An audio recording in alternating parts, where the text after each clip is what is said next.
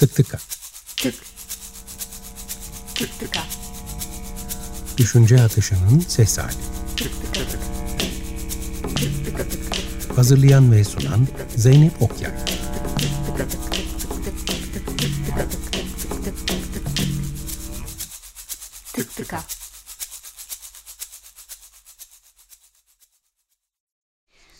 Tık tıka yolda seyahat halindeyken portatif kayıt cihazıyla yaptığım tık tıka bölümlerine verdiğim isim. Ben Zeynep. Bu bir tık tıka yolda.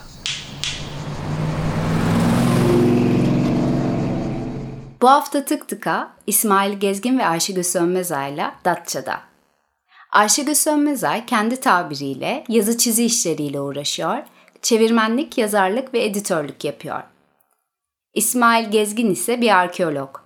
Yayınladığı birçok kitap var, o da bir yazar. Kendileriyle şu anda yaşadıkları yer Datça'dan, şehir hayatından, kaos ve duadan bahsettik. İyi dinlemeler. Tık tıka başlıyor. Jingle, ses kayıt ve düzenleme Ali Uygur Erol, tasarım ve görseller Selin Atik.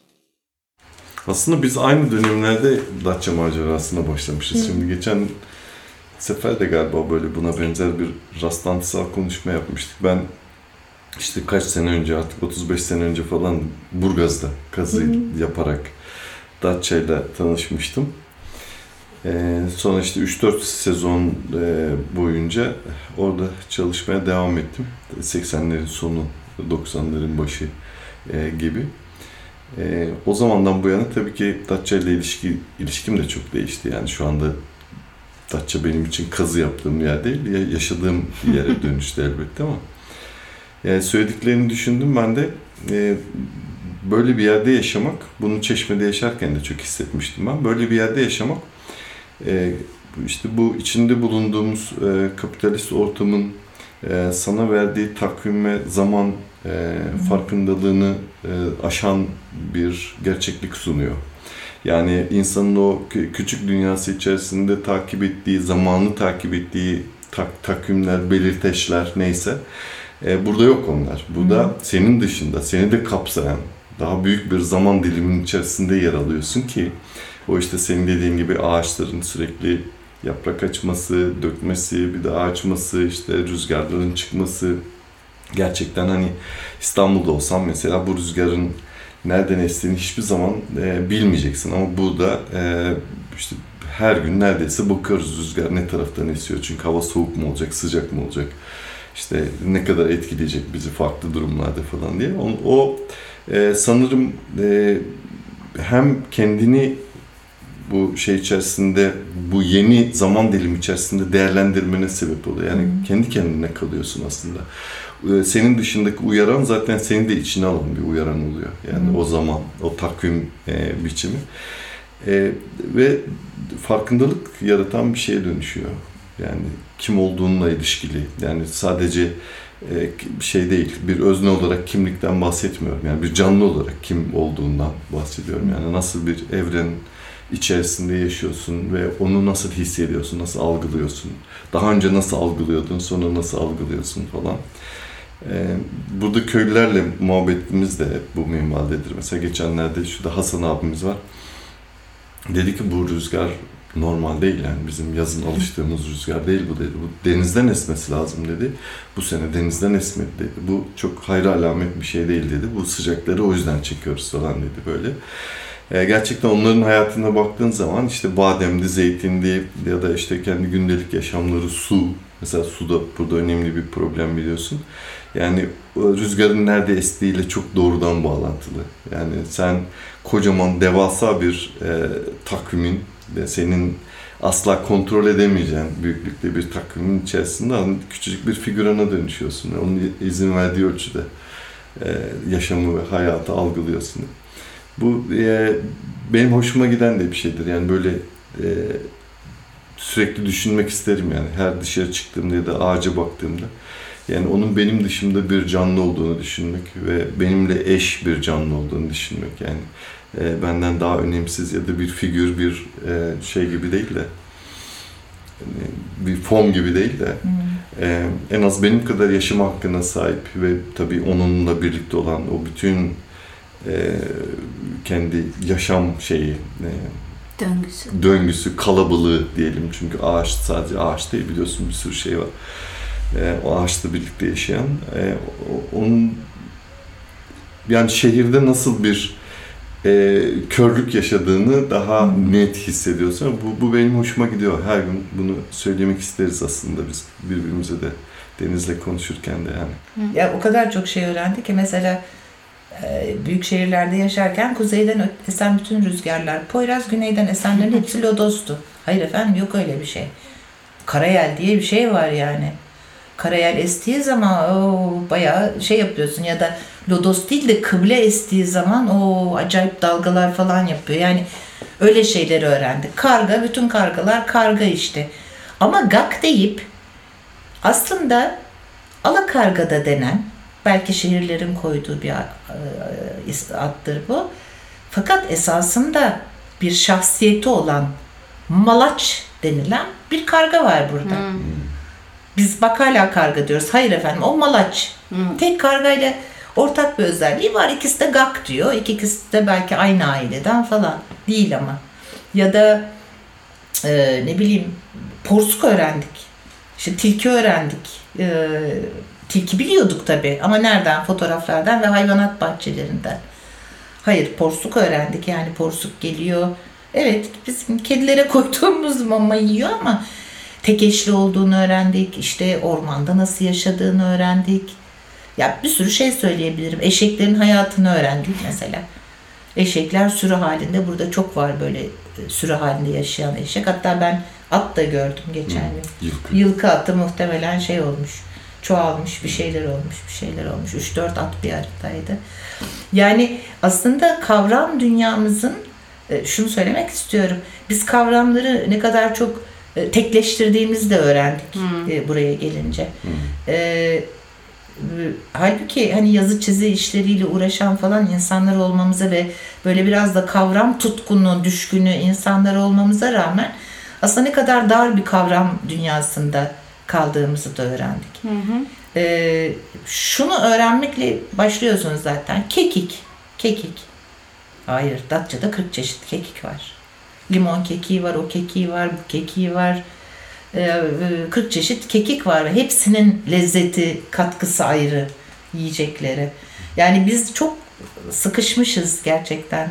Bu sıradan bir şey olarak böyle hani doğa severlik e, olarak söylemiyorum. Doğa sever dediğin zaman sen yukarı çıkmış oluyorsun. Bizim doğaya ne kadar uzak olduğumuzu biz öğrendik aslında. O anlamda evet. Sen sanki doğanın içinde değilmişsin. Değiliz. Doğanın bir parçası değilmişsin de doğayı seviyorsun gibi. Ay Böyle ne bir güzel, kibir. ne hoş bir şey. Kibirli bir laf. Evet. Doğa severlik kibirli bir laf. Evet. Çok kibirli bir laf yani. yani Hatta artık hayvanlara bile şey diyorlar ya e, sahip kelimesini kullanmıyorlar.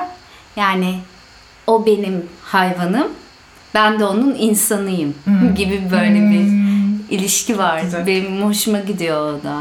Çünkü sahibi siz misiniz? Den artık uzaklaşıyoruz. Kim kimin sahibi acaba yani? Öyle bir noktaya gidiyor. Şeyde arkeolojide böyle buna dair çok güzel makaleler vardı. Nerede? Ee, okudum. Arkeolojide. Arkeolojide. Yani bu ilk evcilleştirmeler ya da insanın tarıma geçmesiyle iliş- ilişkili olarak kendi e, dünya algısının nasıl değiştiğini ve aslında nasıl daraldığını anlatan bir makale okumuştum mesela. Çok hoşuma gitmişti. E, yani o e, şey, avcı toplayıcı olarak yaşarken işte dikkat ettiği her şey sınırsız, sonsuz, hani her an e, alert durumunda e, olmayı gerektiren yaşam biçiminden her şeyi hesaplaması, ölçmesi, biçmesi gereken hesap şey yaşam biçiminden. Birden toprağa ve evcilleştirdiği hayvanlara yönelik hatta ondan elde edeceği faydaya yönelik bir konsantrasyon. Ve dış dünyaya ve biraz e, körlük getiren bir şey yani. Dış dünyayı biraz öteleyen bir şey. Onu görmezden gelen bir şey ki bugün bizim aslında şehirlerde yaşanılan şeylerden e, bir tanesinin bu olduğunu e, düşünüyorum. Yani bize öyle bir de yaşam bir altyapı sunuyor, bir sahne sunuyor ki onunla zaten başka türlü oynaman mümkün değil. Yani roller belli, hareket alanların belli e, ve görmen gereken şeyler belli. Onun dışında hiçbir şey görmüyorsun e, diye. Aslında evcilleştirilmiş hayvanlarla ilgili de mesela böyle bir şey vardı. e, evcilleştirilmiş hayvanların duygusal e, yeteneklerinde ya da duygusal yetilerinde diyelim nasıl ifade ediliyor tam şimdi bilemedim ama e, bir gerileme e, tespit edilmiş. Yani işte koyunlar, inekler, keçiler üzerine yapılan araştırmalarda onlar yani onların vahşi olanlarıyla, doğal olanlarıyla, evcilleştirilmemiş olanlarıyla evcilleştirilmişler arasında bir şey, e, bir, ne gibi bir fark var diye bakınca hmm. görüyorlar. E, onlarda da aynı daralmanın olduğunu fark ediyorlar. Yani evren algısı birden hani sadece karın doyurmaya yönelik bir şey. Çünkü onun yerine evren algısını yapan, onu tehdit eden unsurları gözeten bir başkası oluyor. Yani hmm. insan oluyor işte. Sahiplik ilişkisi de belki burada devreye giriyor.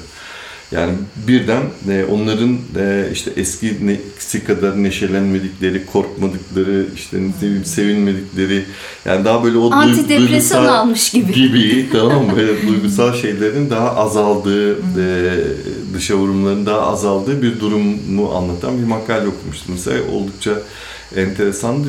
Bizim de aslında benzer bir şey yaşadığımızı düşünüyorum. Yani hani evcilleştirilen hayvanlar derken insanı da işi, işin içine dahil etmek lazım. Çünkü en çok evcilleştirilen, tam da evleştirilen aslında evin içine sokulan insanın kendisi. E, o yüzden e, bazı e, duyularımızın, bazı e, yetilerimizin de ben de körüldüğünü düşünüyorum. Yani bakmaya bakmaya, görmeye görmeye e, ya da dikkat etmeye etmeye e, diyelim. E, biraz doğada böyle bir şey de e, yaşıyorsun, bir farkındalık da yaşıyorsun. Ama tabii Buradan şöyle bir şey de anlaşılmasın yani böyle romantizm, doğa güzeldir falan öyle bir şey yok yani. Doğa güzel falan değildir yani. Doğayı böyle bir, bir sıfatla e, yüceltip ya da bir sıfatla estetize edip bir yere kaldırıp koyamazsın yani. Doğa son derece e, acımasızdır yani. Orada e, gerçekten işte genetik olarak bir beceri, başarı neyse hayatta kalma becerisi sergileyebilenlerin kaldığı bir e, bir yer. O yüzden e, çok da hani böyle romantize etmemek lazım. Doğa hiç öyle güzel bir yer falan değildir yani. O biraz da öğrenilmiş şeylerdir yani o manzaralar, o resimler, Instagram resimleri falan öyle bir şey değil. Yani onun arkasında e, inanılmaz bir şey vardır. Yani hafifçe şöyle o e, sisi aralasan arkasından e, müthiş şeyler çıkar yani doğada yaşamak. Bu da kadar... insanın üflediği bir sis. Tabii tabii haklısın. tabii böyle o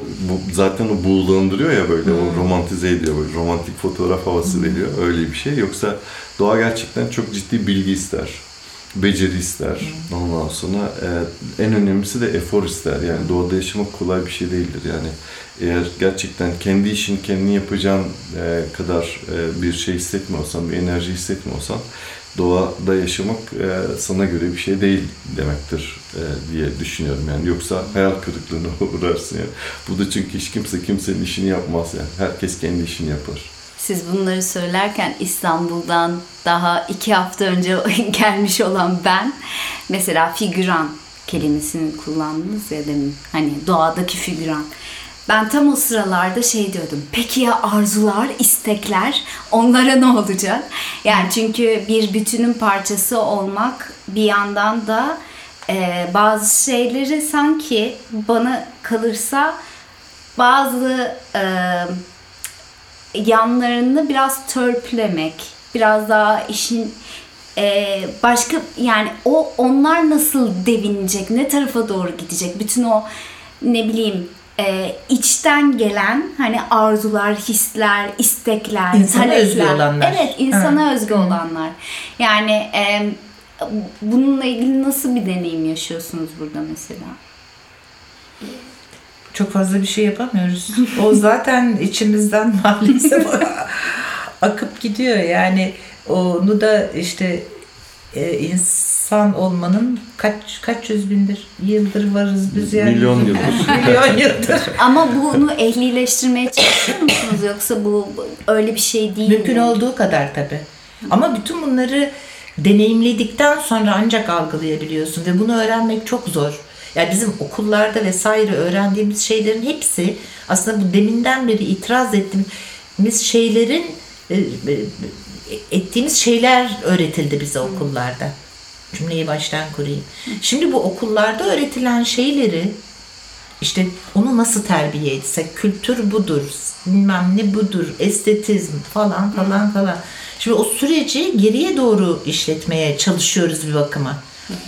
Bir bakıma ama çok küçük yerlerde değişiklikler yapabiliyorsun. Çok büyük, çok radikal değişiklikler falan yapamıyorsun geriye dönüp baktığında aslında yani biraz da böyle boşa geçmiş bir ömrün sanki muhasebesini e, yapmana sebep oluyormuş gibi geliyor şimdi. Hani iyi bir eğitim aldın, iyi bir eş buldun, işte ev kurdun, yuva kurdun, çocuklar da büyüdü, onları da iyi okullara yerleştirdin, her birine de birer ev bıraktın, e, işte onların geleceğini de garanti ettin falan. Yani şimdi düşünüyorsun mesela yani biyolojik arzu, bedensel arzu var olmanın e, motivasyonu olan arzunun amacı bu mudur mesela? Yani hmm. o e, kültürel arzu ortamından uzaklaştığında bunun muhasebesini de yapıyorsun. Nasıl mesela e, iki sene önce pandemi oldu. Değil mi? Herkes birden eve kapandı ve herkes hayatını sorgulamaya başladı. Yani işte online çalışıyoruz, hepimiz başka işlerle e, uğraşıyoruz falan. Bir anda herkes şunu düşündü ya biz ne yapıyoruz? Yani bizim istediğimiz, arzuladığımız hayat bu muydu? Bunun için e, biz e, okuduk, ettik ya da bunun için zamanımızı harcadık falan noktasına geldi. Ve aslında o yani kentten kır, kıra göçüşün, gö, göçmenin de en e, fazla tetikçileyici, tetikleyicilerinden birisi oldu. Yani e, insanın işte o kritik noktalarda sorguladığı, e, muhasebesini yaptığı, yüzleştiği ya da e, arzuları da e, arzu içine e, koyarsak belki biraz daha hmm, ne bileyim e, hani arzu dediğimiz şeyin de aslında bizim çok da bizim kontrolümüzde olan bir şey olmaktan çıktığını görüyoruz uygar dünya içinde. Hmm. Yani.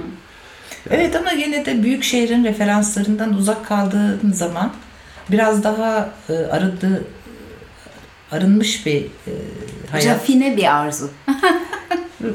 evet daha çok şeyden arınmış. Yani böyle Şimdi sürekli büyük şehirde şey görüyorsun işte. Arabalar görüyorsun, evler görüyorsun, bilmem neler görüyorsun. İşte dükkanlar görüyorsun, elbiseler görüyorsun, bilmem ne. Burada öyle bir şey yok. Doğanın içerisinde yaşadığın zaman bir tane şöyle e, giy bir şort, bir tişörte ihtiyacın oluyor. Yani hmm. çok fazla bir şeyine ihtiyacın olmuyor. E, dolayısıyla bir kere zamandan kazanıyorsun, paradan tabii ki kazanıyorsun.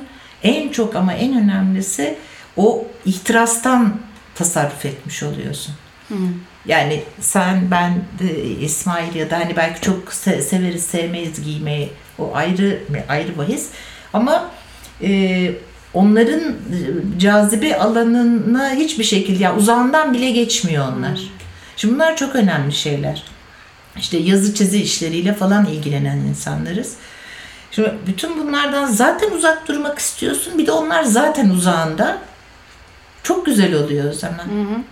Ee, bayağı böyle rafine bir hayat demeyeceğim de e, sade diyeyim. Hı hı. Yani sadelik daha kolay oluyor. Hı. Zaten sadeysen sadelik daha da kolay oluyor. Çünkü orada hani İstanbul'da yaşasan mesela bir açılışa gidecek olsan yine hani bir şey giymen gerekir. Bir şey alman, tüketmen falan gerekir. Burada öyle bir şey olmuyor işte düğüne de o elbiseyle gidiyorsun falan. Tabii biraz daha derli toplu, biraz daha bilmem ne. Hmm. Hani elbiseden bahis açıldı belki bir kadın olarak daha çok elbise falan diye girdim. O zamandan ve zihinsel enerjiden tasarruf bence çok çok önemli. Hmm. Onu başka şeylere kanalize edebiliyorsun. işine, ağacı seyretmeye, işte ne bileyim. Yemeğe. Yemeğe. Buranın mutfağını öğrenmeye, sarı otları. Sana yeni bir alan açıyor. Yeni bir alan açıyor. Yani insan evladının çok sevdiği o heyecanı e, her gün birkaç defa yaşıyorsun falan. Peki o şey e, hani klişe vardır ya kaosun içindeki üretkenlik falan. Hani kaos olmalı biraz falan. Bu, bunu nasıl yaşıyorsunuz? E, bütün zamanını, bütün enerjini ve bütün düşünme gücünü eline almış e, bir e, hareketten, hareketin içindeyken ya da bir şehrin içindeyken yani oradan bir şey çıkarman mümkün değil yani. Burada belki de Ayşegül'ün demin söylediklerine de katılıyorum. Hani zaman tamamen sana kalıyor. Yani sen istediğin gibi kullanabiliyorsun. Çeldirici çok az. Yapman gereken herhangi bir şey yok. Yani hayatını devam ettirecek rutinler dışında e, ne zaman yatman gerektiğini, ne zaman kalkman gerektiğini, ne zaman ne yiyeceğini, ne içeceğini, ne giyeceğini hiç kimse yani bu senin üzerindeki dış gözlerden uzak e, bir hayat kuruyorsun yani. Ama demin söylediğim gibi işte as, asıl kaos burada yani hani doğanın sana ne göstereceği çok da belli olmaz yani. O da e, o, o doğanın içerisinde kaostan bir şey çıkabilirse e, ne ala diye düşünüyorum. Yoksa yani ben bütün e, her saniyesinin iktidarlar tarafından e, belirlendiği şehirden, e, şehir yaşamından, metropol yaşamından bir şey çıkacağını düşünmüyorum. Oradan çıksa çıksa işte bir sürü Sisyphos çıkar yani. Her gün aynı şey, her gün aynı şey. Her gün aynı şey. Mücadele etsek bile mi bu da? Ee, yani mücadele edilebilir tabii ki ama o mücadele de sınıfsal bir şey. Yani eğer işte sabah 5, e, akşam 10 hani sabah evden çıkma ve gelme saatleri bir fabrika işçisiysen, bir bant işçisiysen çok mücadele etme gücün de hmm. e, olmayacaktır. Yani onu da sana vermez. Yani mücadele etme gücü e, olanların zaten Lüks e, mücadele etme şeyleri de çok fazla olmuyor. Onlar zaten e, nefes alacak kaçak yerler buldukları için yani daha sınıfsal bir şey olduğunu düşünüyorum. Tabii ki bununla mücadele edilebilir. Yani mücadele edilemez anlamı da çıkmasın buradan ama e, ama yani bazen şey gibi geliyor hani e, bu Deniz'in romanında da hissetmiştik mesela.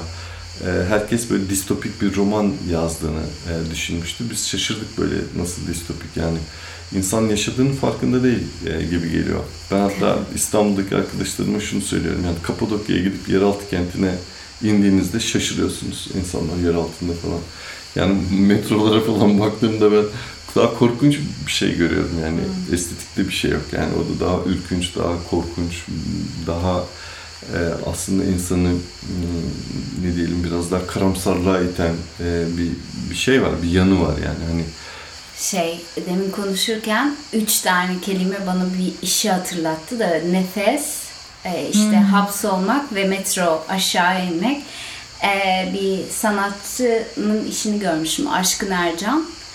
E, sarnıçlarla çalışmaya başladı e, işte Çemberli Taş hmm. etrafındaki ve e, çok uzun yıllardır hiç sarnıça inmemiş. Ve e, şey dedi yani gittikçe dedi böyle boğulduğumu hissettim o nemde. O suyun orada hapsi olması, suyun rengini göremememiz, simsiyah bir ortam. Ve aslında o su akacakken o suyu bir şekilde durdurmuş, durdurmuş evet. olmamız ve hapsetmemiz üzerinden sonrasında bir iş yapmıştı. Ee, yani şey e, serbest çağrışımda direkt onun o işi geldi aklıma. Ya aslında bu konuda şimdi öyle deyince aklıma doğa, araştır doğa araştırmaları geldi Seneca'nın. Ee, o da böyle suları sınıflar. Ee, benzer şekilde Vitruvius da yapmıştır. Antik hmm. yazar bunlar. Ee, o da böyle durgun suyun içmenin mesela durgun suyla hemhal olmanın diyelim çok da sağlıklı bir şey olmadığını, akarsuyun hmm. daha e, ne diyelim şifalı, daha insana yarayışlı olduğunu belirten böyle yazıları var kitaplarında. Oldukça enteresandır tabii. Yani işte aslında tam da yani suyun e, şeylerle sarnıçlarla durdurulması, toplanması, depolanması ve eskitilmesi, yaşlandırılması gibi düşün onu. Yosunlaştırılması. E, yosunlaştırılması falan e, benzer şeyi aslında e, insan içinde yapıyor. Yani hani toprağın üzerinde olmak, daha iyi nefes alıyor olmak falan e, çok da şey değil. E, bir meziyet değil hani. E, ancak sarnıcın üstünde değil aslında sarnıç, sarnıç içinde değil üstünde olduğumuz zaman da aslında metropolde çok daha iyi hissetmiyoruz kendimizi. O kalabalık o şey boğuyor yani insanı. E, dolayısıyla insanın bak akışını e, bozan bir şey ya da akışını kanalize eden bir, bir yapı var. Yani mimari dediğim şey, kent planı dediğim şey aslında tam da böyle bir şey yani. Hangi kaldırımdan nereye gideceğini, hangi ışıkta geçeceğini, hangi bilmem nerede bilmem ne yapacağını. Yani o suyu o şeye toplayan e, kanallar gibi e, sisterne Hı E, kanallar gibi e, insanı da oraya toplayıp orada e, durultan, öldürten, zaman harcatan, e, yaşlandıran bir yapı yani şehir yapısı aslında. Çok da e, farklı bir şey değil yani. Ona bakarken suyu aslında kendimizde görebiliriz yani. Siz belli ki burada kalacaksınız ama biz döneceğiz. o yüzden İstanbul'u bu kadar karalamadan dinleyiciler arasında da büyük şehirlerde yaşayanlar varsa çok güzel bir hayatlarının olduğunu umaraktan e, bugünkü tık tıkayı bitirebiliriz diye düşünüyorum. Tabii, O zaman şöyle ederiz. şöyle diyeyim ben hani baştan değil mi doğa e, romantik bir şey değildir diye. Ee, yani çok da böyle hani İstanbul'dan belki farklı görünüyordur ama çok da e, kolay bir hayat değil yani. Yani bunu sorgulamadan Evet, çıkıp gelmesinler. Hele Datça'ya hiç gelmesinler. Su yok. Su yok bile eğer e, bahçenizde badem ağacı varsa badem toplamak hiç öyle sanıldığı kadar kolay, Kolay bir şey değil. değil. Burada yaban domuzları gelip şöyle bir gövdeleriyle bir vuruyorlar. Bademler yere dökülüyor. Katır kutur yiyorlar. Ondan sonra yaban domuzu var burada. Asla caydırmaya çalışmıyorum kimseyi. Korkutmaya da çalışmıyorum. Bir de ikincisi e, bilen bilir. E, badem toplarken badem bitleri çok alerjiktir. E, İsmail bunu gayet iyi bilir. Her yıl bademler toplanma vakti geldiğinde çünkü kaşınmaktan bir hal oluyor. Evet, geçmiş olsun. Umarım hızlı, hızlı geçer. Teşekkür ederiz. Evet, çok teşekkürler katıldığınız için. Tık tıka burada bitti.